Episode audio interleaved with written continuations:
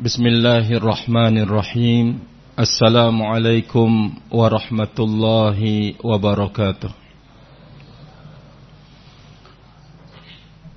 إن الحمد لله نحمده تعالى ونستعينه ونستغفره ونعوذ بالله من شرور أنفسنا وسيئات أعمالنا من يهده الله فلا مضل له ومن يضلل فلا هادي له.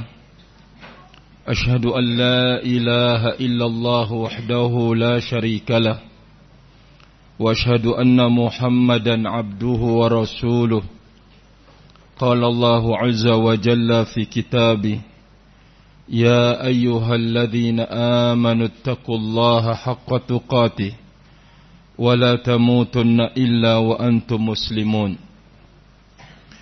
يا أيها الناس اتقوا ربكم الذي خلقكم من نفس واحدة وخلق منها زوجها وبث منهما رجالا كثيرا ونساء واتقوا الله الذي تساءلون به والأرحام إن الله كان عليكم رقيبا يا أيها الذين آمنوا اتقوا الله وقولوا قولا سديدا يصلح لكم أعمالكم ويغفر لكم ذنوبكم ومن يطع الله ورسوله فقد فاز فوزا عظيما فإن أصدق الحديث كلام الله وخير الهدي هدي محمد صلى الله عليه وسلم وشر الأمور محدثاتها فإن كل محدثة بدعة وكل بدعة ضلالة وكل ضلالة في النار. أعاذني الله وإياكم من النار. معاشر المسلمين دن مسلمات ينسي saya hormati dan yang dimuliakan oleh Allah Subhanahu wa taala Alhamdulillah. Sebuah kenikmatan yang sangat besar yang Allah Azza wa Jalla berikan kepada saya dengan bertemunya saya dengan saudara-saudara di sebuah majlis ta'ah majlis ibadah majlis taqarrub ila Allah subhanahu wa ta'ala. Tentu sangat-sangat membahagiakan di saat seorang muslim dipertemukan dengan saudaranya di dalam sebuah ketaatan dan kebajikan. Tentu ini punya nilai yang sangat besar di saat sebuah ketaatan itu dipikul bersama-sama diwujudkan berbareng-bareng akan memiliki kekuatan untuk mengetuk bantuan dan pertolongan Allah Subhanahu wa taala. Tentunya semoga Allah Azza wa Jalla menjadikan kita ikhlas. Saya dan segenap saudara dan saudariku lalu kemudian dicatat menjadi amal kebaikan dalam timbangan. Keberkahan di dalam umur.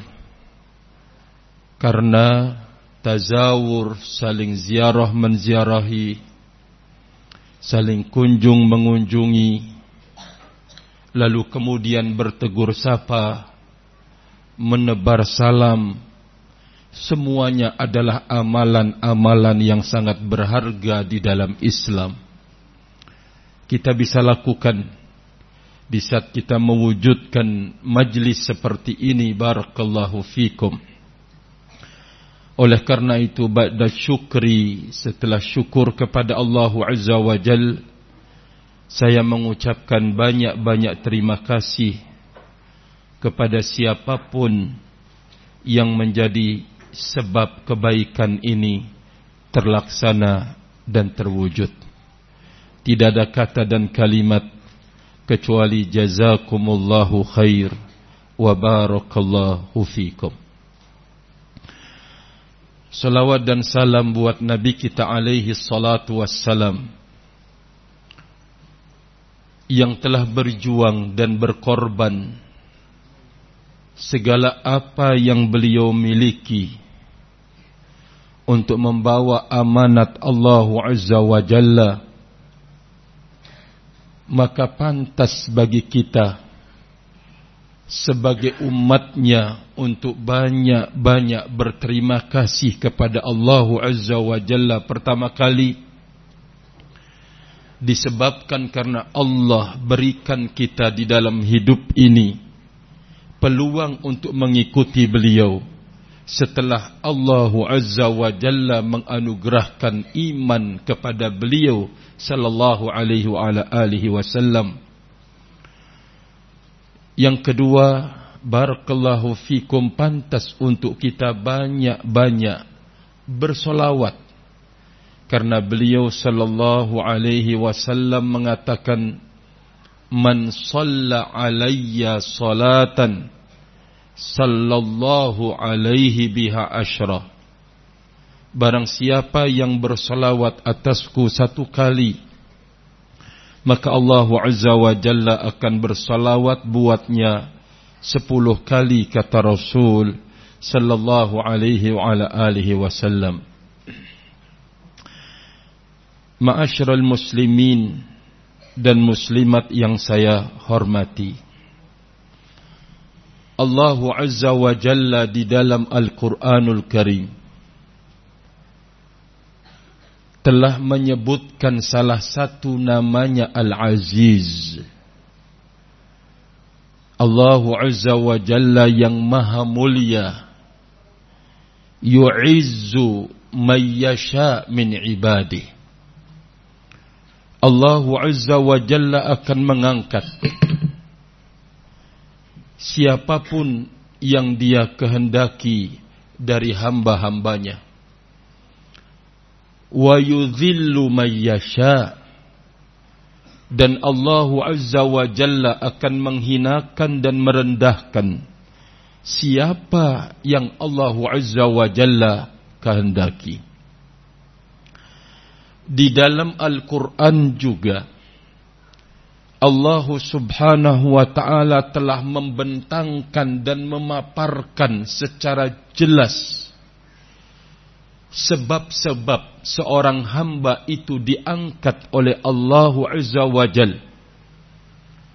Dan Allah Azza wa Jalla juga menyebutkan di dalam Al-Quran tidak luput nabinya alaihi salatu wassalam di dalam sunnah menyebutkan tentang sebab-sebab kerendahan dan kehinaan ma'asyiral muslimin dan muslimat yang saya hormati.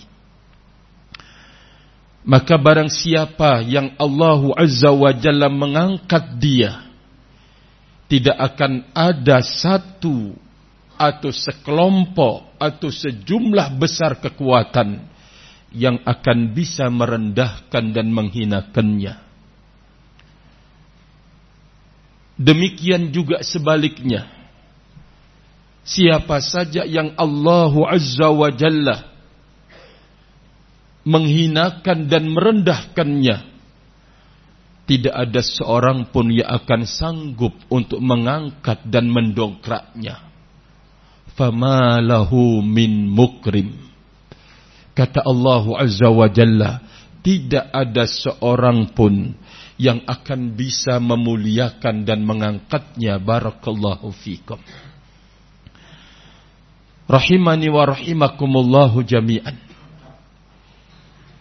Karena Allah telah menyebutkan sebab-sebab pengangkatan hambanya dan juga sebab-sebab yang akan merendahkan dan menghinakan hambanya, maka Allah Azza wa Jalla akan membedakan satu dengan yang lain derajat pengangkatan tersebut. Ada orang yang paling tinggi posisinya. Ada mungkin orang di bawahnya. Ada di bawahnya lagi. Namun semuanya mendapatkan pengangkatan dari Allah subhanahu wa ta'ala. Sebagaimana Allah Azza wa Jalla telah berikan kelebihan keutamaan satu nabi dengan nabi yang lainnya maka demikian juga umatnya para nabi dan rasul tersebut. Dibedakan derajat mereka. Disebabkan tentunya dikarenakan mereka melaksanakan apa yang dituntunkan oleh Nabi alaihi salatu wassalam. Tapi derajatnya di sisi Allah Azza wa Jalla berbeda-beda barakallahu fikum.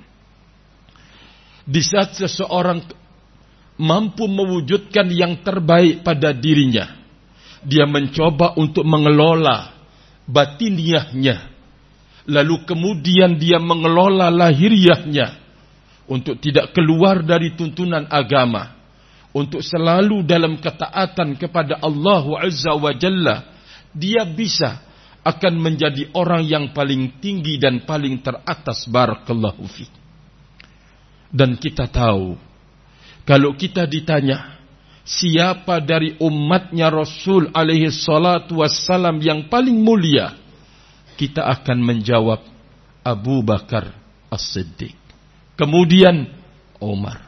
Kemudian Uthman. Kita bisa menjabarkannya kemudian Ali bin Abi Thalib. Semuanya ini dibedakan barakallahu fikum dengan tingkat ketinggian di dalam melaksanakan tuntunan dan syariat Allah Azza wa Jalla. Demikian juga sebaliknya. Orang yang dihinakan oleh Allah, orang yang direndahkan oleh Allah Azza wa Jalla bertahap-tahap, bertingkat-tingkat, tergantung dari tinggi tingkat kerusakan, kejelekan, kejahatan orang tersebut. Barakallahu fikum. Maka oleh karena itu Allah Azza wa Jalla telah menyebutkan sebuah jalur. Siapa pun yang masuk ke dalam jalur itu Allah Azza wa Jalla telah menyebutkan jalan. Siapa pun yang mencoba untuk masuk ke dalam jalan itu maka dia pasti untuk mendapatkan pengangkatan dari Allah Azza wa Jalla. Apa jalan yang disebut? Jalan yang disebut itu terdapat di dalam surat Al-Fatihah. Ihdinas siratal mustaqim. Tunjukilah kami ke jalan engkau yang lurus. Ihdinas siratal mustaqim. Meminta kepada Allah Azza wa Jalla untuk dibimbing, untuk diarahkan kepada jalan Allah Subhanahu wa taala yang lurus. Rahimani wa rahimakumullahu jami'an. Doa yang Allah perintahkan kita di dalam surat Al-Fatihah meminta jalan Allah yang lurus. Ini adalah salah satu upaya dan usaha untuk kemudian kita bisa diberikan kesempatan dan peluang oleh Allah untuk berjalan di atas jalannya. Ini satu. Yang kedua, kita harus ada upaya dan usaha untuk kemudian mencari tahu untuk kemudian menuntut ilmu tentang jalan yang lurus ini. Dan yang ketiga, kata Imam As-Sa'di rahimahullah, harus punya niat atau qas hasanal hasunal qas memiliki niatan yang baik, tujuan yang baik untuk kemudian berjalan di atas jalan yang lurus itu.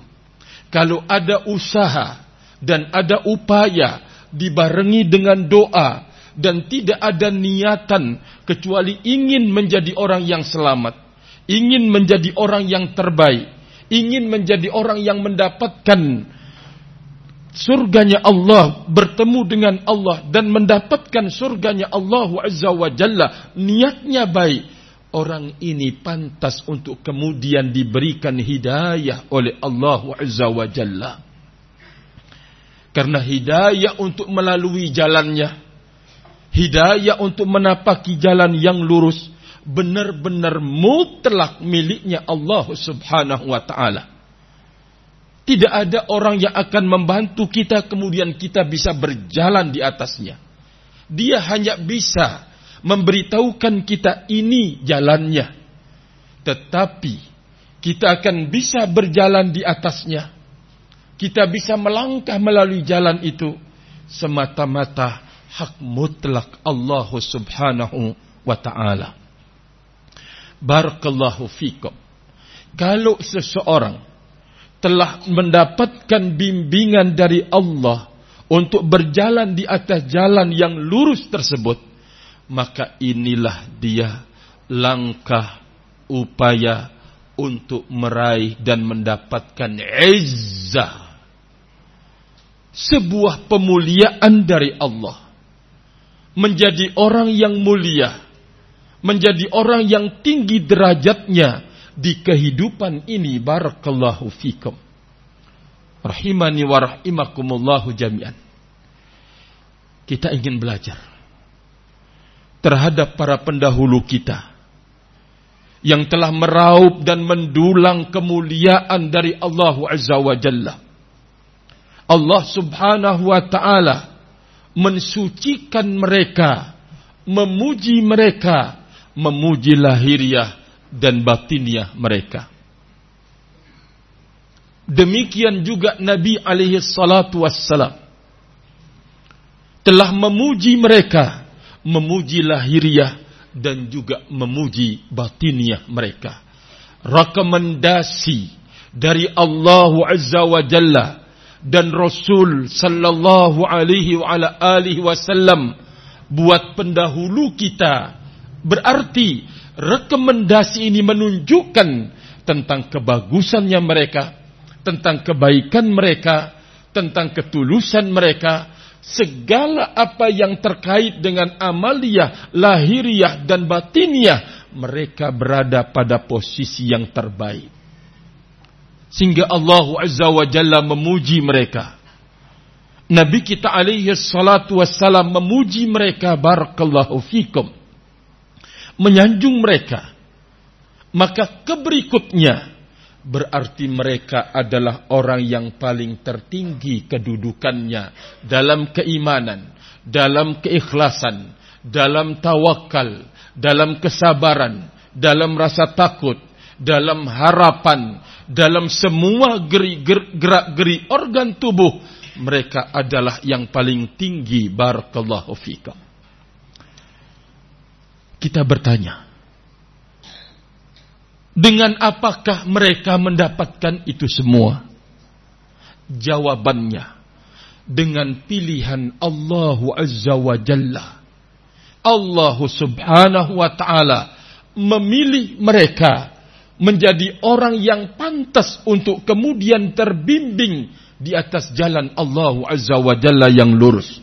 Bergabung bersama nabinya berjuang bersama Rasulnya Muhammad sallallahu alaihi wa ala alihi wasallam menghadapi senang dan gembira bersama nabinya Muhammad sallallahu alaihi wasallam. Allah pilih mereka barakallahu fikum. Kita hidup dari zaman Nabi alaihi salatu dan para sahabat 1440 sekian tahun. Berarti jarak yang cukup jauh. Mereka telah mendulang kemuliaan dari Allah Azza wa Jalla. Allah sanjung mereka. Allah puji mereka. Demikian juga nabinya Muhammad sallallahu alaihi wasallam betapa agungnya lahiriah dan batiniah mereka. Betapa bersihnya lahiriah dan batiniah mereka. Betapa baiknya mereka. Betapa tingginya derajat mereka. Mereka telah berlalu 1440 tahun yang telah lalu. Rahimani wa rahimakumullahu jami'an. Adakah peluang bagi kita di masa 1440 tahun dari mereka? Adakah peluang bagi kita juga untuk menjadi orang yang terbaik di masa kita sekarang ini? Menjadi orang yang paling tinggi derajatnya di masa kita sekarang ini? Adakah peluangnya? Allah Azza wa Jalla telah membuka peluang selebar-lebarnya barakallahu fikum.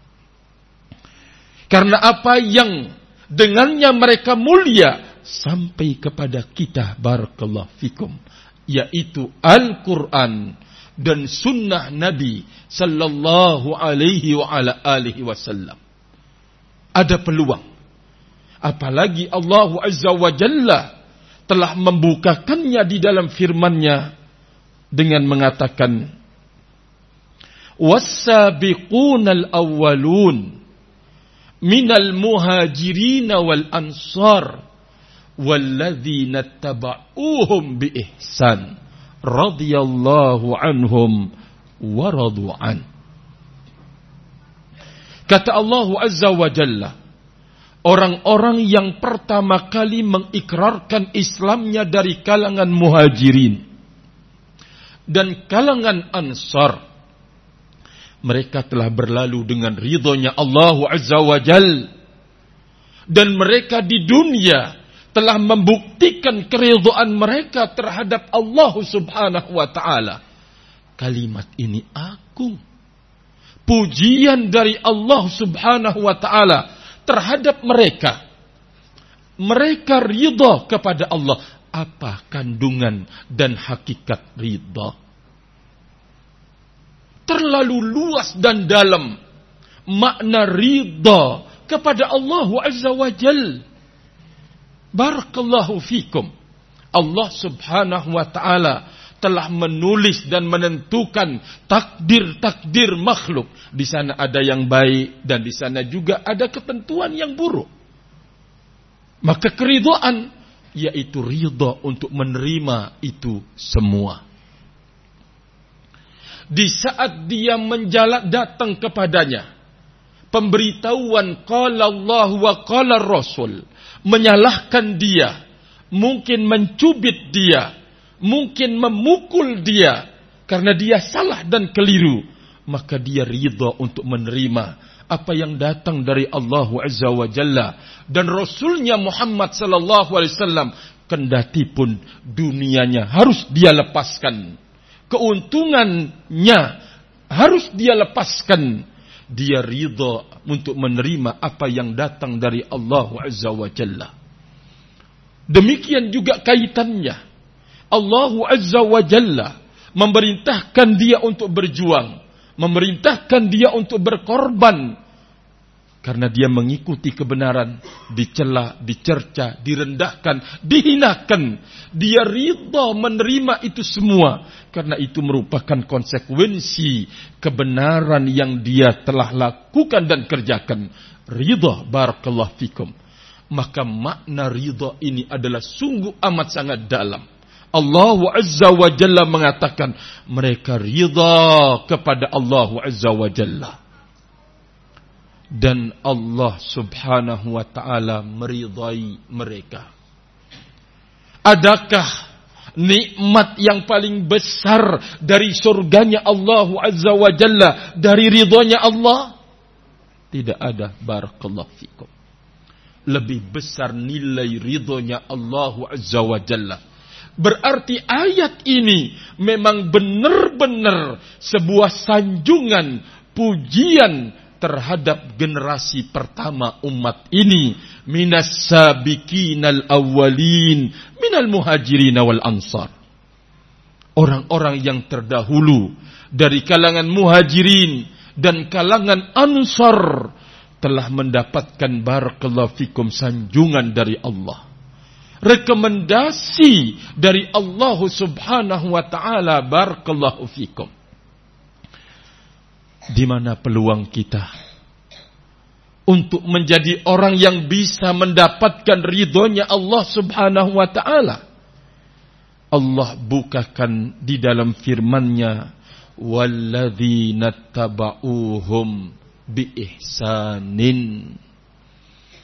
Orang-orang yang mengikuti mereka di dalam kebaikan apa yang telah dibuktikan atau diwujudkan oleh para sahabat Nabi dia berupaya untuk mewujudkan di dalam hidupnya. Jatuh bangun, dia wujudkan itu semua. Dia tidak pernah putus asa. Dia coba bangkit, jatuh, dia coba bangkit, jatuh, dia coba bangkit. Untuk kemudian selalu pada jalan para sahabat Nabi Ridwanullah alaihim ajma'in.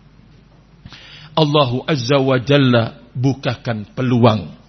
Namun peluang ini kita dapatkan dan kita peroleh juga menunggu hidayah dan taufik dari Allah. Menunggu taufik dan hidayah dari Allah Azza wa Jal. Tidak semua orang mendapatkan taufik. Iya. Sebagaimana tidak semua orang yang hidup di zaman Nabi Sallallahu Alaihi Wasallam mendapatkan taufik dan hidayah untuk menjadi sahabat beliau barakallahu fikum. Bahkan kenyataan yang ada orang dekat nasabnya dengan beliau, para tokoh-tokoh kafir Quraisy ditahan, dicegah, dicegat oleh Allah Azza wa Jal untuk tidak mendapatkan hidayah. Barakallahu fikum. Padahal nasab beliau sangat-sangat dekat. Yang diberikan oleh Allah dari kalangan para budak-budak piaraan mereka. Sementara mereka dicegah oleh Allah untuk mendapatkannya. Dihalangi oleh Allah azza wa jalla untuk memperolehnya. Maka yang dapat dan diberikan oleh Allah adalah budak-budak piaraan mereka. Allahu Akbar. Orang-orang kaya, para saudagar-saudagar besar, mungkin kalau hitungan dunia sekarang, kita akan mengatakan, oh, kalau mereka, para tokoh, para pembesar, dapat hidayah, selesai urusan. Tidak akan ada perang. Tidak akan ada celaan dan cercaan. Mereka akan beriman. Ini kan dalam hitungan kita. Akan tetapi dalam ketentuan dan keputusan Allah Azza wa Jalla tidak demikian. Allah Azza wa Jalla memilih orang-orang fakir, orang-orang miskin, orang-orang lemah untuk kemudian mengikuti Nabi kita Muhammad sallallahu alaihi wa ala alihi wasallam. Benar-benar keputusan mutlak dari Allah. Demikian juga di masa kita sekarang ini dan masa-masa yang akan datang sangat terkait dengan pilihan Allah Azza wa Jalla siapa yang pantas untuk mendapatkannya. Oleh karena itu Allah Azza wa Jalla di saat mengatakan innaka la tahdi man ahbabta Allah yahdi man yasha huwa a'lamu bil muhtadin.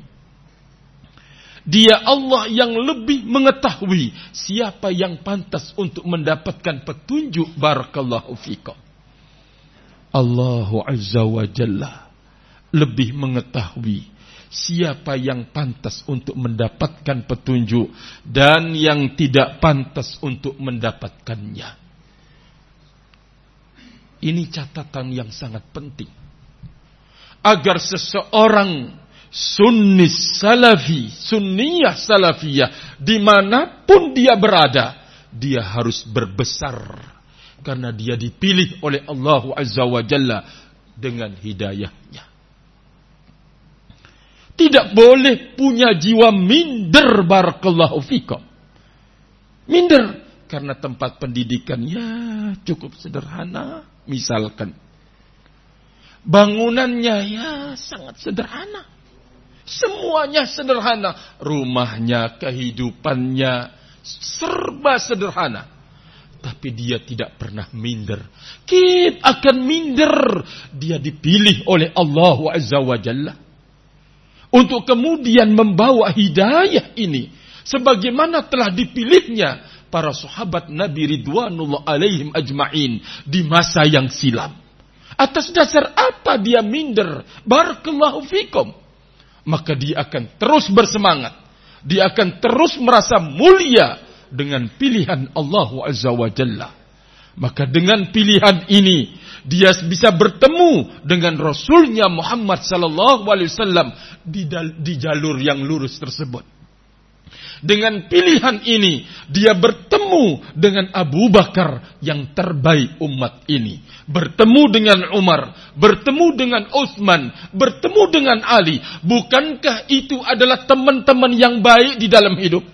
Mereka telah melalui jalan ini dan mereka telah sampai kepada kenikmatan yang disiapkan oleh Allah Azza wa Jalla. Kita dari belakang menyusul mereka dengan pilihan Allah Azza wa Jalla pula.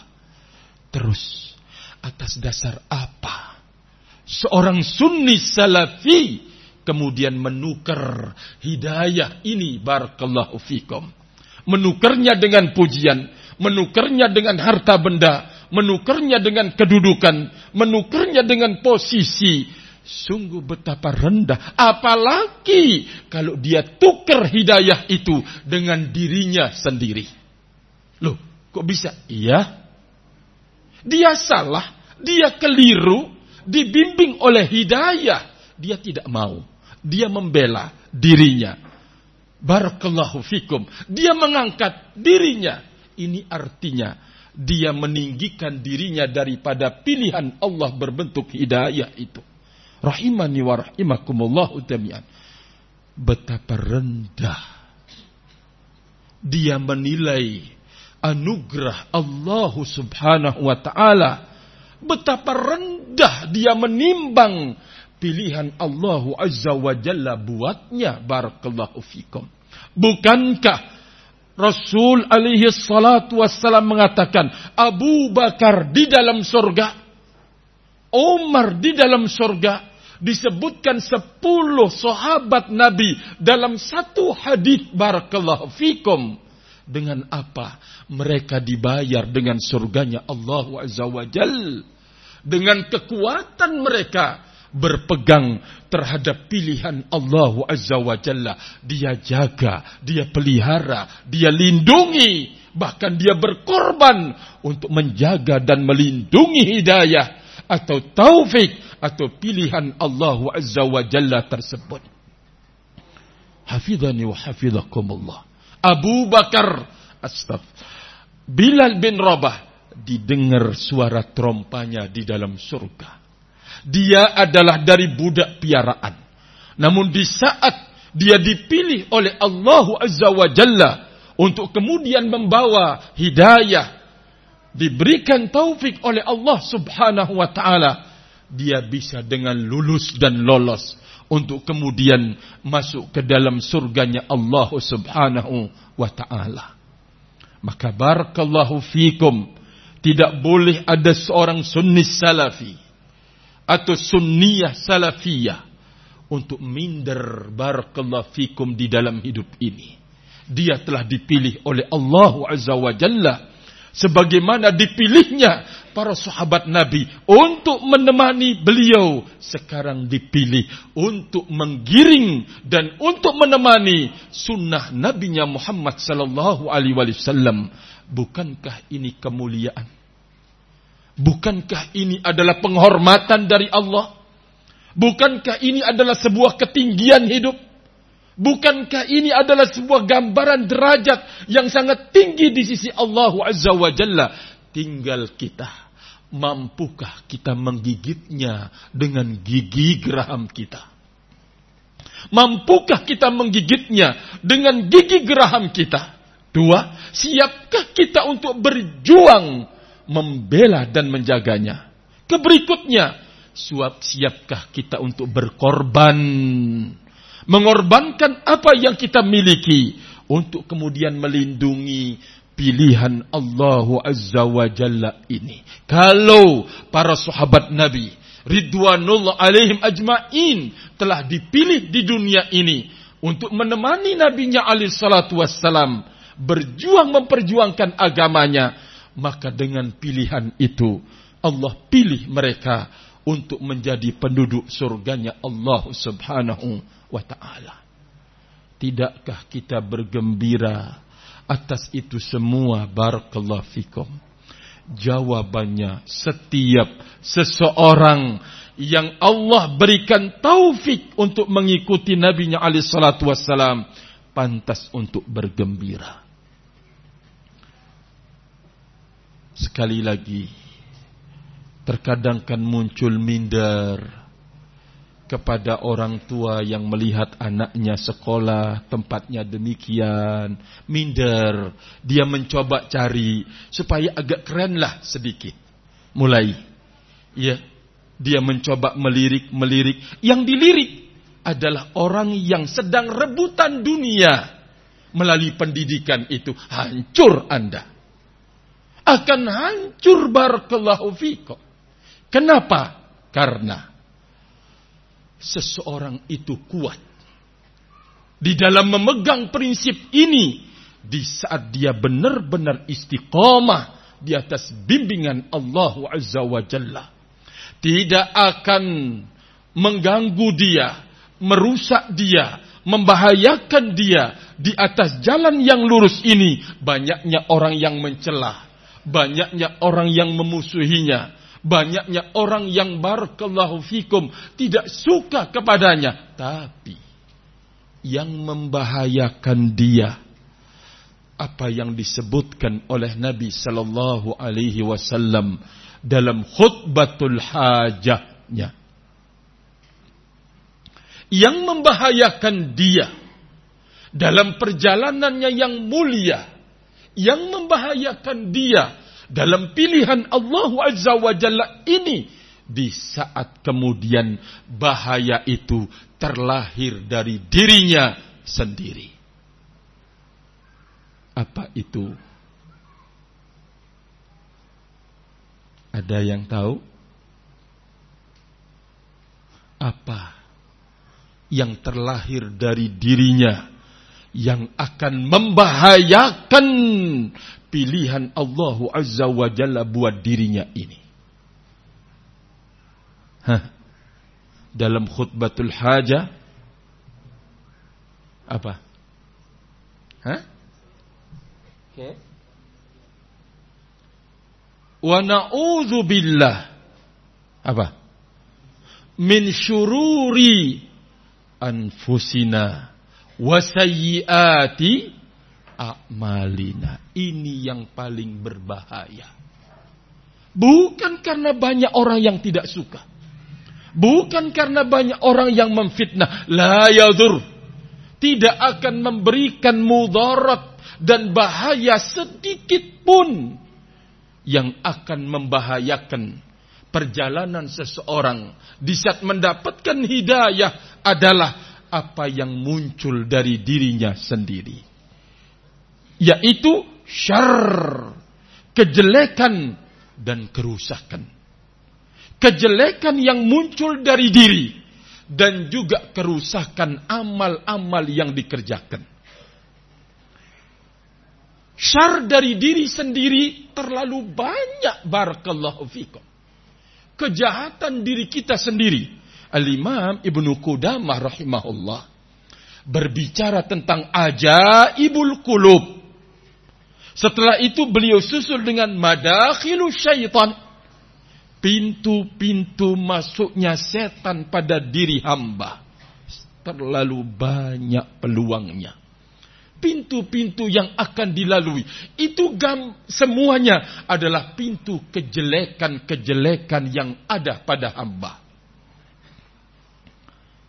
Bagaimana contohnya? Bukankah hamba itu punya bibit untuk kemudian kiber, sombong?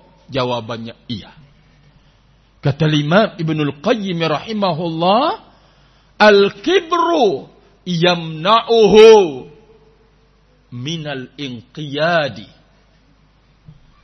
Sifat sombong yang ada pada dirinya akan mencegah dia untuk mau patuh dan mau tunduk.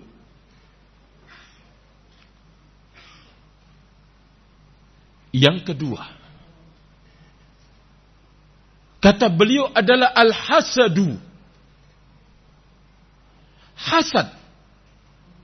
Sifat hasad yang ada pada diri seseorang adalah min syurur dari kejelekan-kejelekan diri kita. Kalau muncul sifat hasad itu, yamna'uhu akan mencegah dia dari menerima nasihat dan memberikan nasihat. Karena sifat hasad ditolak nasihat siapa pun. Selama hasadnya itu masih ada pada dirinya. Mau alim sekelas apa pun. Dia tidak akan pernah menerima nasihatnya. Barakallahu fikum.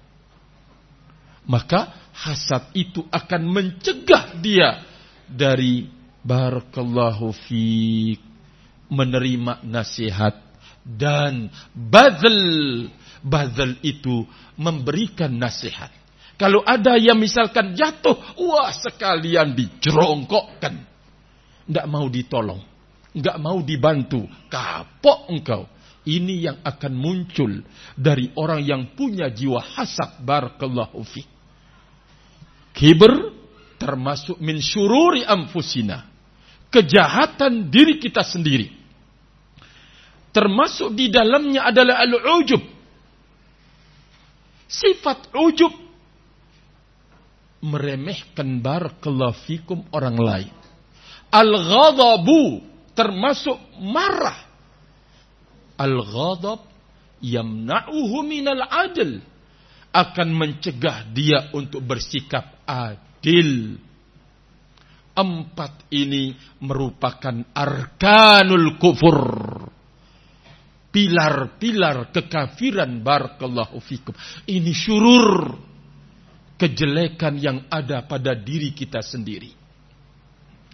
Contoh misalkan lebih supaya kita tahu bahwa di saat seseorang telah dipilih oleh Allah Azza wa Jalla menjadi orang yang terbaik, ingat akan banyak orang yang akan menggoyangkan dia. Banyak orang yang agar dia keluar dari pilihan itu kalau dia benar-benar selalu menjaga dirinya dan siap untuk berkorban dan berjuang, insya Allah Allah Azza wa Jalla akan mengokohkan pilihannya itu barakallahu fikum. Berikutnya, kalaupun sedunia ini memusuhi dia, mencela dia, mencelakakan dia, atau barakallahu fikum memfitnah dia tidak akan membahayakan langkah pilihan Allah pada dirinya itu. Sekali lagi, yang membahayakan dia adalah syurur kejelekan yang terlahir dari dirinya dan kerusakan amal yang dia lakukan yang dan yang dia kerjakan mungkin kita melihat ada orang guru kita, ustadz kita, alim kita mungkin atau teman kita. Darinya kita mendengar nasihat. Melalui dia Allah berikan kita taufik dan hidayah. Tiba-tiba terjadi perubahan pada dirinya. Kita tidak tahu yang kita kenal adalah baik orangnya. Yang kita kenal Masya Allah. Orangnya tawadu. Mengajak kepada kebaikan. Tiba-tiba menjadi orang yang beringas. Sombong. Kemarin kalau dia mendengar nasihat. Kata-kata yang indah keluar jazakallahu khair. Barakallahu fiqh atas nasihatnya. Tiba-tiba menjadi seorang yang menolak nasihat menentang barakallahu fikum nasihat. Apa? Apa barakallahu fikum yang menjadi penyebabnya? Jangan kemudian, oh dia itu salah temen lo. Iya benar. Itu di antaranya. Tapi, ingat. Kalau kita mengatakan dia salah teman, maka di saat dia berteman dengan orang yang jelek, maka ingat itu merupakan sebuah hukuman dari Allah Azza wa Jalla terhadap diri seseorang. sehingga Allah pilihkan buatnya teman yang jelek. Berarti pada diri orang ini ada sesuatu sesungguhnya. Yang selama ini mungkin disembunyikan. Yang kita tidak tahu barakallahu fikum. Maka Allah Azza wa Jal ingin memisahkan antara orang yang benar-benar tulus dan ikhlas berjuang untuk agamanya dan orang yang emang ada sesuatu yang dia cari, dunia yang dia ingin peroleh, pujian dan sanjungan yang dia ingin dapatkan, pujian-pujian Allah akan pisahkan barakallahu fikum antara kedua orang ini. Ini jujur untuk mengikuti tuntunan Nabi sallallahu alaihi wasallam. Ini punya kepentingan Ya, barakallahu fikum. Demikian juga kaitannya antara guru yang mungkin kita melihatnya ya Allah tulusnya, ikhlasnya, baiknya, ternyuh hatinya kalau dia berbicara misalkan barakallah kok tiba-tiba maka semuanya itu adalah sebuah keputusan Allah ingin membantu orang-orang yang jujur dan ingin memisahkan orang yang jujur dengan orang yang berdusta. Allah Azza wa Jalla ingin memisahkan antara orang yang tulus dan ikhlas dengan orang yang menginginkan banyak duniawi di dalam hidup. Bagaimana caranya? Allah turunkan ujian. Allah turunkan fitnah ke tengah mereka untuk memisah semuanya itu barakallahu fikum. Oleh karena itu Syekhul Islam Ibn Taimiyah rahimahullahu taala mengatakan wa qulub tadhharu indal mihani. Apa yang tersembunyi, apa yang tersimpan di dalam dada akan Allah bongkar dengan Allah turunkan ujian dan cobaan. Ini adalah sesuatu yang sangat menguntungkan di dalam hidup barakallahu fikum. Banyak orang yang tergeret, ya begitulah fitnah. Banyak orang yang terbawa, begitulah fitnah. Guru saya, iya, begitulah fitnah. Tidak pandang dia mau alim, mau jadi ulama, mau jadi siapa pun tidak akan pandang fitnah itu. Namun di sana orang-orang yang Allah selamatkan untuk banyak-banyak berterima kasih. Barakallahu fikum. Sehingga di saat ujian diturunkan oleh Allah ingin membedah, membedakan dan memisahkan, di situlah taufik Allah Azza wa Jalla. Kata Syekhul Islam Ibn Taimiyah rahimahullah ada orang yang min azkiya'in nas. Orang yang paling cerdas manusia. Kalau mau mengkaji min adakihim nadhara. Orang yang paling teliti, paling masya Allah.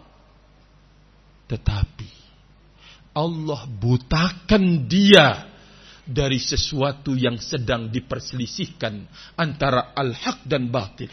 Allah butakan dari al-haq. Dia tidak bisa melihat. Benar-benar taufik dari Allah Azza wa Jalla. Tetapi kata beliau, di sana ada orang min abladin nas. Orang yang paling tolol, paling bodohnya orang. Adha'afu nadharan lemah untuk kemudian melihat, lemah untuk kemudian mengkaji, lemah segala-galanya. Tapi dia bisa membedakan antara yang hak dan yang batil. Benar-benar taufik dari Allah Azza wa Jalla. Tapi perlu diingat. Taufik itu, hidayah ketika terjadi ujian, itu merupakan buah dan nilai. Di saat dia berusaha sebelum turunnya ujian ini untuk jujur, untuk terus belajar ikhlas, untuk terus sabar, untuk tawakal kepada Allah. Sampai kemudian Allah turunkan sebuah taufik. Di saat ujian besar dia bisa mengerti mana yang hak dan yang mana yang batil. Itu adalah buah hasil usaha dia. Rahimani wa rahimakumullah jami'an. Sekali lagi yang membahayakan perjalanan suci seseorang barakallahu fikum adalah kejelekan dari dirinya sendiri dan kerusakan amal dia rahimani wa rahimakumullahu jami'an. Kita belajar ilmu untuk membenahi diri kita. Kita belajar ilmu untuk meluruskan batiniah kita. Terus kita lakukan. Perlu dipatri-patri dia. Perlu dipukul-pukul dia. Agar keluar bibit-bibit penyakit yang membahayakan dalam perjalanan membawa hidayah dari Allah Subhanahu wa taala. Muncul sifat hasad, jangan dibiarkan. Ingin pamer, jangan dibiarkan los, tetapi terus kita berjuang berbareng barakallahu fikum.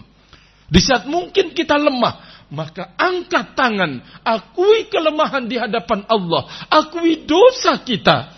Insya Allah akan bisa mengembalikan kekuatan itu barakallahu fikum rahimani wa rahimakumullahu jami'an. Berbahagia dan bergembira, bergembiralah orang yang telah dipilih oleh Allah Azza wa Jalla. Tapi ingat, ada pesan Nabi alaihi salatu wassalam kepada para sahabat Nabi ridwanullah alaihim ajmain bersamaan mereka telah terlatih untuk menghadapi segala tantangan hidup mereka telah terdidik dalam pendidikan wahyu dan teladan-teladan mulia dari Nabi Shallallahu Alaihi Wasallam. Para sahabat telah membuktikannya di dalam hidup. Bimbingan-bimbingan Rasul alaihi salatu wassalam. Sehingga di dunia mendapatkan kemenangan, kemenangan, kemenangan, kemenangan. Sudah demikian disanjung dan dipuji oleh Allah Azza wa Jalla. Namun dengarkan apa yang ditakutkan oleh beliau menimpa para sahabat Nabi Ridwanullah alaihim ajma'in kata beliau mal faqra akhsha alaikum bukan kefakiran yang aku khawatirkan menimpa kalian. Kita tahu tadi Para sahabat Nabi telah dipilih oleh Allah untuk menemani Rasulnya Muhammad sallallahu alaihi wasallam. Segala ujian, segala tantangan, segala problem mereka telah bisa keluar darinya dengan bimbingan dan teladan dari Nabi kita Muhammad sallallahu alaihi wasallam. Dengarkan yang dikhawatirkan oleh Nabi sallallahu alaihi wasallam di hadapan mereka. Mal faqra akhsha alaikum. Bukan kefakiran yang aku khawatirkan menimpa kalian. Kata Rasulullah alaihi salatu wassalam di hadapan para sahabatnya yang sudah terdidik hidupnya yang sudah lurus manhajnya akidahnya ketaatan-ketaatannya kepada Allah Azza wa Jal. Beliau mengatakan, bukan kefakiran yang aku khawatirkan menimpa kalian. Tetapi apa yang beliau khawatirkan? Walakin akhsha alaikum antub satolakumud dunia. Yang saya khawatirkan menimpa kalian adalah dibentangkannya buat kalian dunia. Allahu Akbar. Bukan kefakiran yang aku takutkan menimpa kalian. Tetapi yang aku takutkan dan khawatirkan dibentangkannya buat kalian dunia. Apa kata beliau? Kalau dunia sudah dibentangkan barakallahu fikum. Hah? Kalau sekarang dibukakan tiba-tiba di Depok ini ada gunung emas. Siap antum kita-kita ini mau jadi penonton yang setia? Hah? Bisa sabar enggak? Ya Allah, satu bawa sekarung emas ke rumahnya. Satu lagi beli ini, beli itu, bangun ini, bangun itu. Antum mau jadi penonton terus? Bisa sabar nggak? Berat barakallahu fikum. Ya wis kalau enggak sekilo, ya sudahlah setengah kilo aja. Misalkan barakallahu fikum, kita tidak akan sabar apabila dunia itu dibukakan. Teman kita jual es, wah laris. Haha. Sekarang bagaimana? Sabar kita melihat dia laris, ya kita kepingin. Coba bikin barakallahu fikum. Artinya bahwa ini kita. Rasulullah alaihi salatu wassalam menyebutkan bukan kefakiran yang aku khawatirkan menimpa kalian, tapi yang aku khawatirkan menimpa kalian kata beliau dibukakannya buat kalian dunia. Setelah dibukakan dunia, fatana fasuha kama tanafasuha fatatanafasuha kalian akan berlomba-lomba sebagaimana mereka orang-orang kafir berlomba-lomba. Rasulullah mengatakan di hadapan para sahabatnya untuk menggambarkan betapa mengerikan dunia itu barakallahu fikum.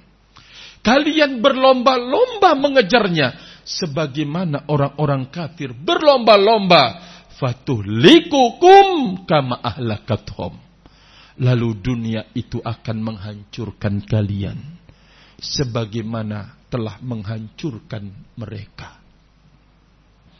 Subhanallah. Pelajaran yang sangat berharga. Di saat kita bergelut dengan dunia, kita selalu memegang memegang apa yang telah Allah berikan kepada kita dari hidayah. Berarti kita dididik miskin? Enggak, bukan. Di saat engkau bergelut dengan dunia, mencari dunia, jangan tinggalkan pilihan Allah Azza wa Jalla. Anda mau mengejar nikmat Allah loh. Allah mengatakan, La tansa nasibaka minad dunia. Allah kan mengatakan, jangan kau lupa bagianmu dari dunia. Anda ingin mencari? Iya, benar. Tidak ada yang melarang. Bahkan Allah menyuruh untuk segera bertebaran. Mencari karunia dari Allah Azza wa Jalla. Tapi ingat, jangan lupa Anda ini sudah dikasih nikmat yang paling mahal di dalam hidup. Sudah diberikan nikmat yang paling tinggi nilainya. Yaitu hidayah untuk mengikuti Nabi Muhammad Sallallahu Alaihi Wasallam. Jangan sampai mau mengejar secuil duniawi harus mengorbankan sesuatu yang sangat besar. Jangan sampai kita melakukan demikian barakallahu fikum. Cuma ingin mengejar sekian persen 0,0000 persen dari dunia.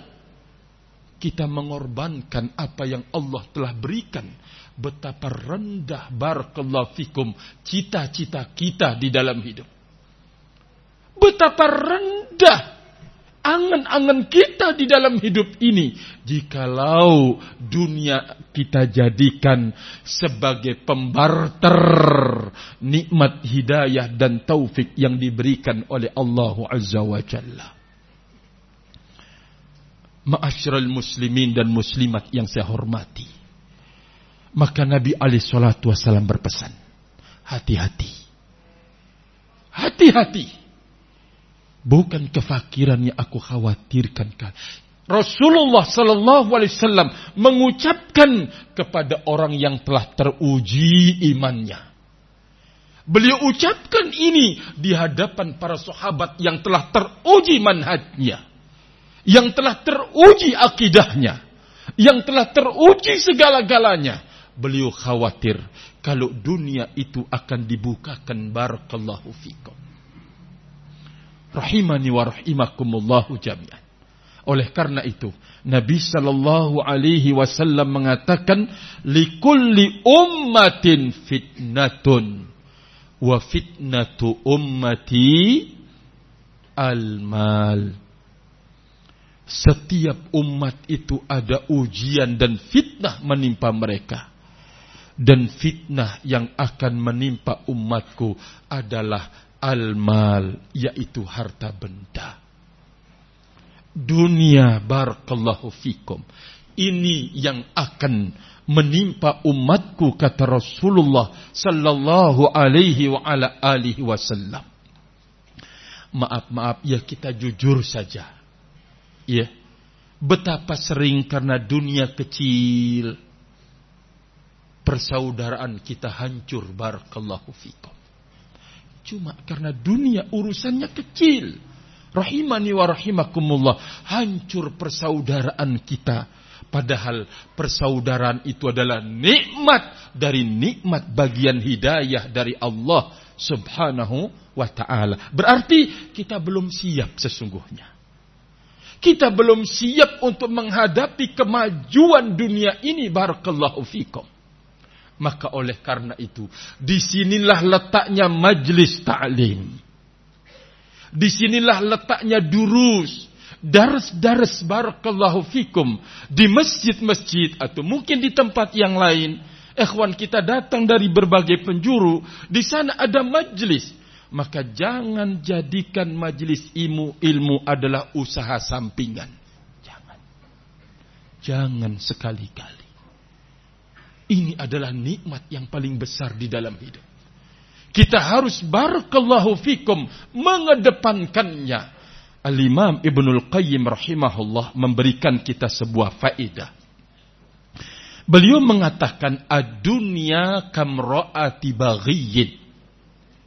Dunia itu maaf-maaf bagikan wanita pelacur bagikan wanita yang melacur kata beliau barakallahu fikum. La tasbutu ma'a zaujin dia ndak pernah tenang ndak pernah tentram ndak pernah ya adem ayem bersama satu suami satu lelaki. Kalau wanita itu maaf-maaf adalah apa? Wanita pelacur. Dunia itu kata beliau seperti ini Maksudnya bagaimana? Terus cari korban. Sekarang ini korban, oh besok. Tunggu waktunya. Kalau kita tidak benar-benar menjaga barakallahu fikum. Betapa banyak maaf-maaf dari guru-guru kita. Yang darinya kita mendengar kebenaran. Yang darinya kita mendengar bahaya dunia. Yang darinya kita mendengar bahaya teman-teman yang buruk Darinya kita mendengar ahlul bid'ah wal ahwa. Darinya kita mendengar teman-teman yang baik. Ternyata lambat laun. Karena urusan kecil dunia. Mereka terus melanggar secara total apa yang dulu pernah kita, diajarkan kepada kita. Dulu dia jadikan sebagai ilmu, sekarang dia ingkari. Dulu dia ingkari, sekarang dia jadikan sebagai ilmu. Itulah kesesatan barakallahu fikum. Ini gambarannya. Kalau hidayah itu sudah dicabut oleh Allah. Terbalik 180 derajat. Tapi bedakan. Kalau hartanya diambil, dompetnya hilang. Insya Allah dia tidak akan berpikir, wis bagaimana mencuri dompetnya orang lain. Tidak akan. Kenapa? Karena hidayah masih bersama dia.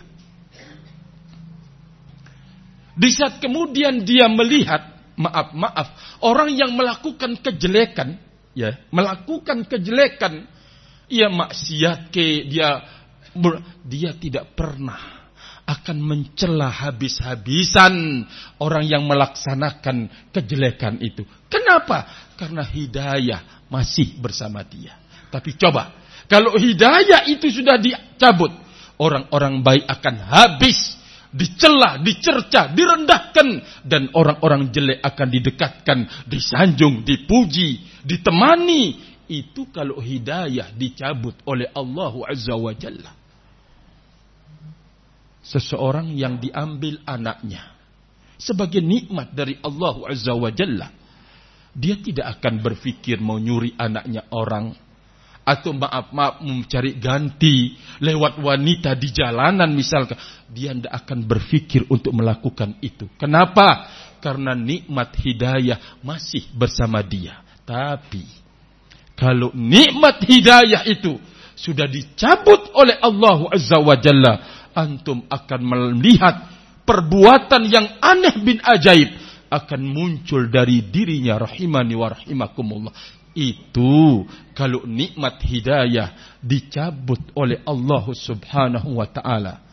Apa yang dulu diingkari, sekarang diilmui. Apa yang dulu diilmui, sekarang ini diingkari. Dulu dia cegah kita, jangan dekat dengan itu. Sekarang dia dekat berteman dengannya. Sementara orang baik ditendang, dicela, dicerca, dihabisi, dihinakan. Berubah 180 derajat. Di saat hidayah, nikmat hidayah diambil oleh Allah Azza wa Jalla sungguh amat sangat mengerikan barakallahu fikum. Maka oleh karena itu, apa yang dipesankan oleh Nabi kita Muhammad sallallahu alaihi wasallam berarti kita harus jadikan yang paling tinggi, yang paling teratas, yang paling mahal di dalam hidup hidayah dan pilihan Allah untuk mengikuti Nabi kita Muhammad sallallahu alaihi wasallam. Kalau kita punya kejujuran padanya, punya ketulusan dan keikhlasan sebesar apa pun ujian dan cobaan, mungkin kurang harta bendanya, kurang pendapatannya, Allah akan berikan padanya qanaah. Cukup dengan apa yang diberikan. Kalau kemarin 100 misalkan 100 ribu dia sendiri nggak merasa cukup. Apalagi istrinya yang beli ini, beli itu, nggak pernah merasa cukup. Tapi di saat dia Allah Azza wa Jalla berikan kepadanya hidayah, dia faham. Dia merasa cukup. Alhamdulillah. Istrinya juga merasa cukup menerima. Bukankah ini adalah pertolongan di atas taufik dan hidayah itu barakallahu fikum? Jawabannya iya rahimani wa rahimakumullah jami'an. Dulu ndak pernah tenang hidupnya, gelisah. Maunya jalan sana, jalan sini, maunya santai. Tapi setelah hidayah dia dapatkan, dia tahu bahwa dia pasti akan kembali kepada Allah. Dapat ujian yang sangat-sangat berat. Dia pikul itu semua dengan penuh kesabaran. Bukankah itu adalah buah dari hidayah? Bagian dari hidayah Allah Azza wa Jal? Jawabannya iya. Tapi kalau hidayah itu sudah dicabut oleh Allah Azza wa Jalla. Tidak akan menutup kemungkinan.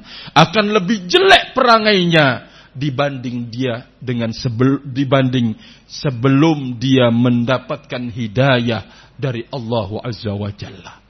Maka oleh karena itu Ar-Rasul alaihi salatu wassalam mengingatkan bahwa setiap umat itu ada fitnah dan fitnah yang menimpa umatku adalah al-mal berarti bersiap-siaplah kita Ya Ustadz kita kan hidup dengan dunia kita bu iya benar. Kita butuh kepada dunia.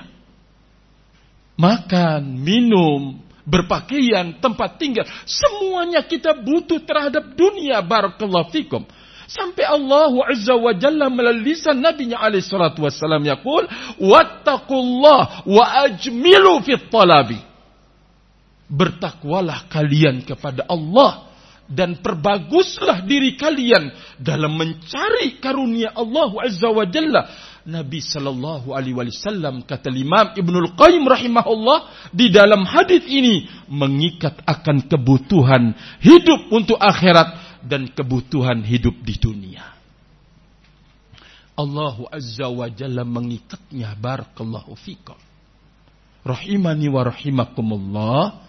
Tapi ingat Dunia ini butuh ketakwaan pada diri kita. Dunia ini yang kita cari butuh kesabaran pada diri kita. Dunia ini butuh kita bersyukur padanya. Dunia ini butuh tawakal yang tinggi dari kita. Dunia ini butuh rasa takut kepada Allah Azza wa Jalla. Ini semuanya adalah rentetan hidayah dan taufik dari Allah butuh kejujuran. Iya, nah sekarang di saat kita bergelut dengan dunia, hidayah itu jangan ditinggalkan. Kesabaran adalah hidayah. Keikhlasan adalah hidayah. Kejujuran adalah hidayah. Ketakwaan adalah hidayah. Tawakal adalah hidayah. Semuanya adalah butuh hidayah. Barakallahu fikum. Kalau kita meninggalkan hidayah Allah Azza wa Jalla di saat bergelut dengan dunia, habis kita kita akan rendah dan hina barakallahu fikum. Maka Imam Ibnu Qayyim menyebutkan bahwa dunia ini kata beliau bagaikan wanita melacur, pelacur. Dia tidak pernah akan senang, tentram dengan lelaki atau satu lelaki. Tetapi dia akan terus mengincar laki-laki laki-laki untuk orang-orang itu berbuat baik pada dirinya. Melampiaskan barakallahu fikum syahwatnya dan wanita yang seperti ini tidak suka dan tidak ridha adanya sifat cemburu. La fala tarda bidiasa. Dia tidak pernah ridha adanya kecemburuan. Perhatikan mengerikan sekali. Maksudnya dunia ini akan mencari tumbal-tumbal. Jangan sampai kita menjadi tumbalnya dunia. Oleh karena itu, Ali bin Abi Thalib berpesan, "Kunu min abna'il akhirati wala takunu min abna'id dunya." Jadilah kalian putra-putra putra-putri akhirat dan jangan kalian menjadi putra-putri dunia. Ucapan yang sangat-sangat tinggi. Sampai kemudian disebutkan, bolehlah dunia engkau genggam bisa mendapatkan Allah bukakan rezeki, rezeki yang sangat banyak. Ya Allah, dia jual es misalkan semua.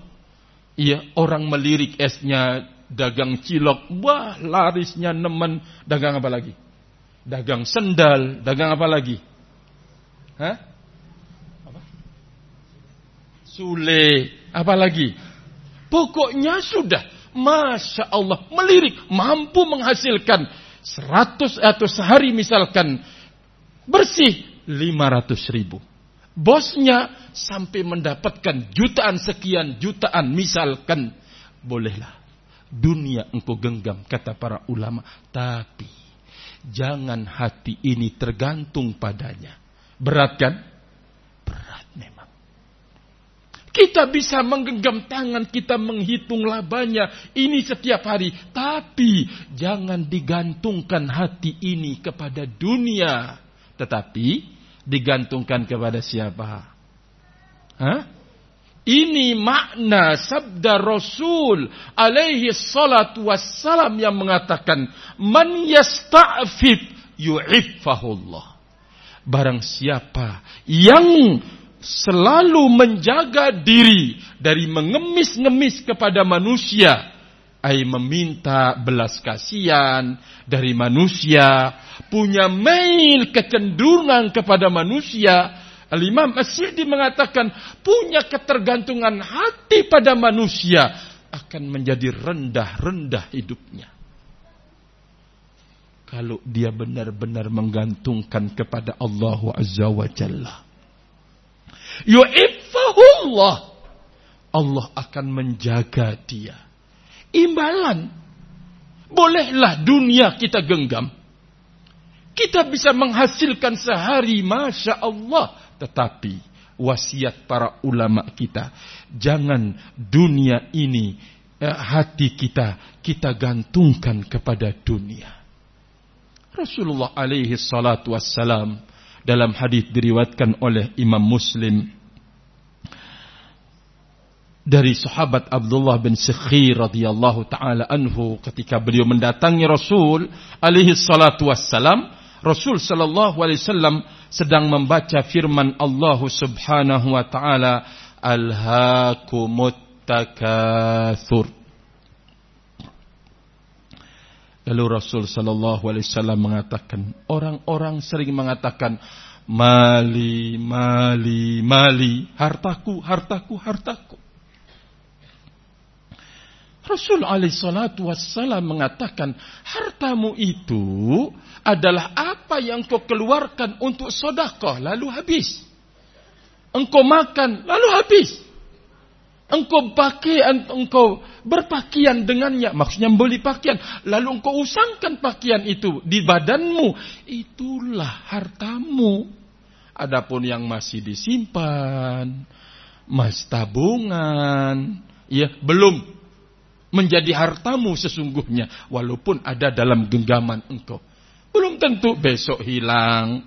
Kena tipu. Ya, lewat media sosial, Anda dapat hadiah 100 juta. Wah, tertarik. Ya. Hubungi ini ini. Dihubungi, ya sudah siap-siap dimainkan. Ya.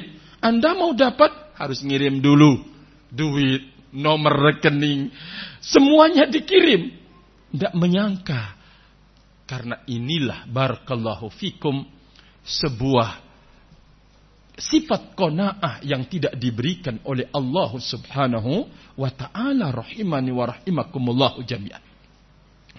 Ma'asyiral ikhwah wal akhwati. Mungkin di sana ada orang yang diuji oleh Allah azza wa jalla. Serba kekurangan. Dia sudah buka ini. Ndak jalan. Ada enggak? Ada enggak dari ikhwanuna? Coba lagi ini enggak jalan istrinya mulai sudah ya. Mas kalau membuka itu coba ditekuni. Tersinggung masnya. Kamu tidak tahu ya. Bagaimana capeknya saya? Mulai sudah. Mau perang Irak dan Iran cuma karena ucapan istrinya Mas. Kalau mau jualan coba ditekuni. Ya tidak tekun dia. Ya kepingin lagi coba cari Begitu juga. Coba cari. Begitu juga. Kalau dia tidak benar-benar mengingat hidayah.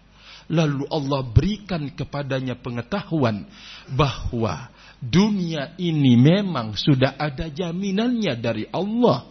Tapi setiap orang itu sudah ditulis jatahnya oleh Allah Azza wa Jal.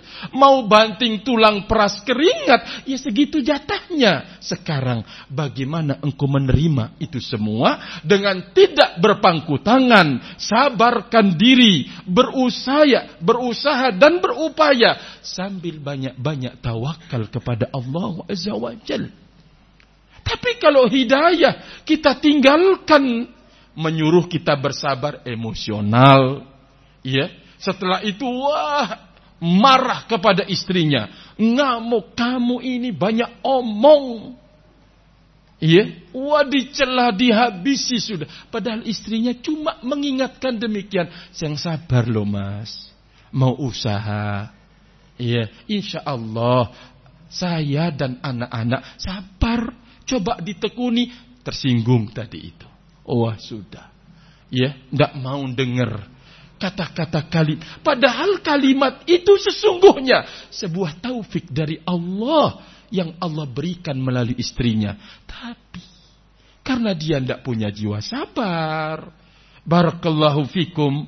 Ia imannya lemah, hasadnya muncul. Sehingga menguasai itu semua. Maka rahimani wa rahimakumullahu jami'an. Dunia kita disuruh untuk mencarinya.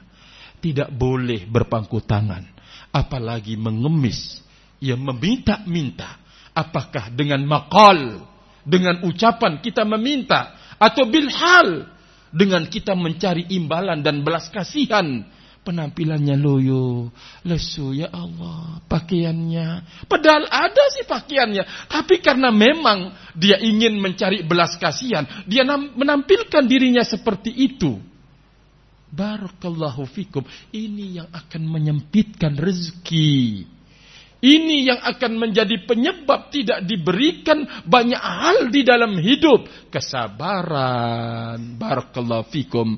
Ifa menjaga diri kona'ah, tidak diberikan. Maka kita harus berbesar hati mewujudkan tuntunan Nabi Shallallahu Alaihi Wasallam dan kita harus menyiapkan diri untuk menghadapi ujian sudah di depan mata terlalu banyak orang-orang yang telah hancur meninggalkan manhaj ini meninggalkan apa yang dulu dia telah ajarkan dia tinggalkan apa yang dulu telah dia peringatkan cuma ingin barakallahu fikum mengejar secuil duniawi. Bergabung bersama orang yang dia telah tahdirnya. Mencela dan menjatuhkan orang yang baik mengingatkan dia selalu. Sudah di depan mata barakallahu fikum. Dibukakan buat mereka dunia tapi coba periksa mereka berlomba-lomba ingin mencari dunia. Tidak ada yang bisa dinikmati kecuali apa yang telah dituliskan oleh Allah. Kalau sekiranya dunia yang sudah ada jaminannya dan tidak keluar dari catatan dan ketentuan jatah-jatah masing kita, kita jadikan untuk kemudian melelang nikmat hidayah. Betapa rendahnya kita barakallahu fikum. Sementara hidayah itu untuk mendapatkannya tidak ada jaminan pasti kita dapatkan dan pasti pula kita akan istiqomah. Tidak ada jaminan dari Allah Azza wa Jalla. Lalu kita mau tukar dengan sesuatu yang telah dijamin. Pasti diberikan dengan ketentuan yang sudah ada. Kita mau tukar betapa rendah rahimani wa rahimakumullahu jami'an. Maka segenap saudaraku ahlus sunnati wal jamaah. Jangan minder. Jangan kecil hati. Disebabkan karena mungkin orang melihat kita seperti ini. Tapi kalau berbicara tentang hati kecil. Mereka akan iri hati. Barakallahu fikum. Loh, kok bisa Ya, antum hidup seperti ini menemukan ketenangan dan ketenteraman yang mereka tidak miliki yang mereka tidak pernah dapatkan. Yang ada adalah merasa kurang, merasa kurang, jauh dari ibadah, jauh dari ketaatan. Tetapi kita diberikan sifat kona'ah oleh Allah. Menerima apa adanya. Dengan terus kita berbuat, berusaha. Subhanallah. Kita bisa setiap saat tutup jualan. Kenapa? Adzan memanggil. Ada yang sanggup dari mereka-mereka? Ada enggak? Saya kira enggak ada. Barakallahu fikum. Kecuali percaya yakin. Dia taat tidak akan merubah ketentuan rezekinya. Dia taat tidak akan berdampak pengurangan terhadap rezekinya. Apalagi sebaliknya. Dengan dia nggak sholat akan menambah rezekinya pada hari itu. Tidak ada itu semua. Semuanya berjalan dalam ketentuan Allah Azza wa Jalla. Kalau kita ketahui inilah dia hidayah dari Allah. Kalau kita lelang karena dunia, hancur dunia kita dan hancur pula akhirat kita.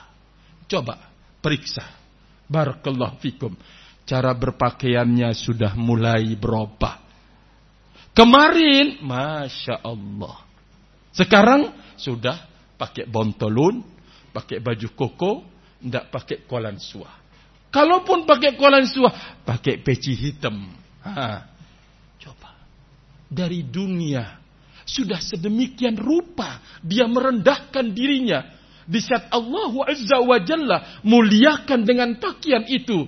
Dia mencoba untuk membudayakan budaya kita Oh maaf maaf budaya kita itu pakai celana pendek dan sarung dulu. Pakai sarung itu budaya kita. Barakallahu fikum. Itu kan datangnya ya Belanda menjajah. Itu kan yang ngajari kita pakai bantolon ya. Bar ya itu mau dikembangkan.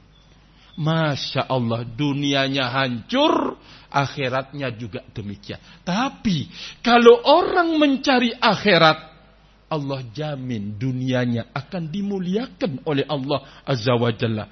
Adakah orang yang taat lalu kemudian dibiarkan begitu saja oleh Allah Subhanahu wa taala? Tidak ada barakallah fikum. Maka oleh karena itu sebagai penutup rahimani wa rahimakumullah bahwa pegang erat-erat jaga lindungi dan pertahankan pilihan Allah Azza wa Jalla.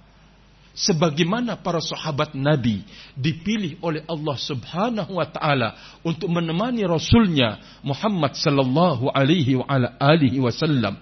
Kita mendapatkan pilihan di masa sekarang ini berarti sebuah karunia yang sangat besar dari Allah Subhanahu Kalau mereka, para sahabat Nabi berjuang melindunginya, kita juga dituntut lebih untuk berjuang melindunginya. Para sahabat Nabi dulu dituntut berkorban untuk menjaganya. Kita juga dituntut untuk berkorban menjaganya. Barakallahu fikum. Nabi Shallallahu Alaihi Wasallam berpesan bahwa dunia dibukakan dunia yang dikhawatirkan ini juga yang mengkhawatirkan kita.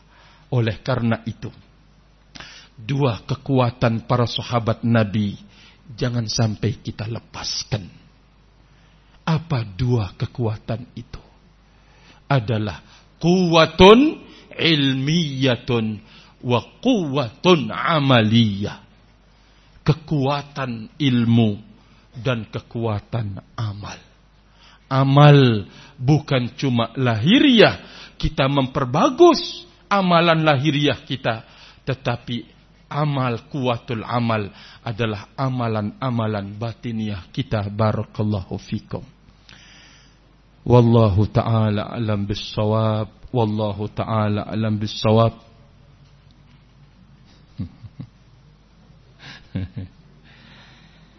Kalau saya membacakan ayat la yukallifullahu nafsan illa wus'aha, bagaimana? Antum setuju? Kalau saya bacakan ayat ini la yukallifullahu nafsan illa wus'aha. Antum setuju kan? Karena ini adalah ayat Allah Azza wa Jalla memaafkan seseorang yang tidak mampu.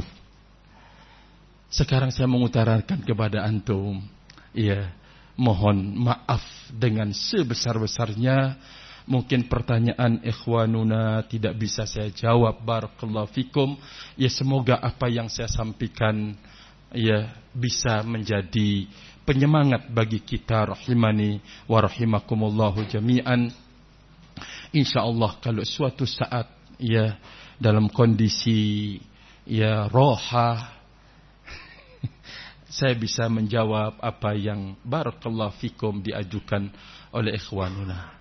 Mohon maaf dengan sebesar-besarnya atas kekurangan di majlis ini saya tidak menjawab. Ya ada ikhwanuna yang bertanya barakallahu fik dan astagfirullah atas kesalahan dan kekeliruan dalam apa yang saya sampaikan dari diri dan syaitan datangnya dan kebenaran itu mutlak datang dari Allah subhanahu wa ta'ala. Sekali lagi, saya mengucapkan banyak-banyak terima kasih kepada segenap siapa pun yang ikut andil. Dan kepada segenap ikhwani dan akhwati yang sudah datang meramaikan rumahnya Allah Azza wa Jal. Kita mewujudkan tanasuh wa tadhakur. Saling ingat mengingatkan, saling nasihat menasihati. Semoga ini adalah berberkah dari sisi Allah Azza wa Jalla diberikan semata-mata karenanya untuknya ikhlasan lillah azza wajal dan menjadi catatan amal soleh di sisinya. Barakallahu fikum. Allahumma amin Allahumma amin. Wa akhiru da'wana anil hamdulillah. Subhanaka Allahumma bihamdika ashhadu an la ilaha illa anta astaghfiruka wa atubu ilaik. Wassalamu alaikum warahmatullahi wabarakatuh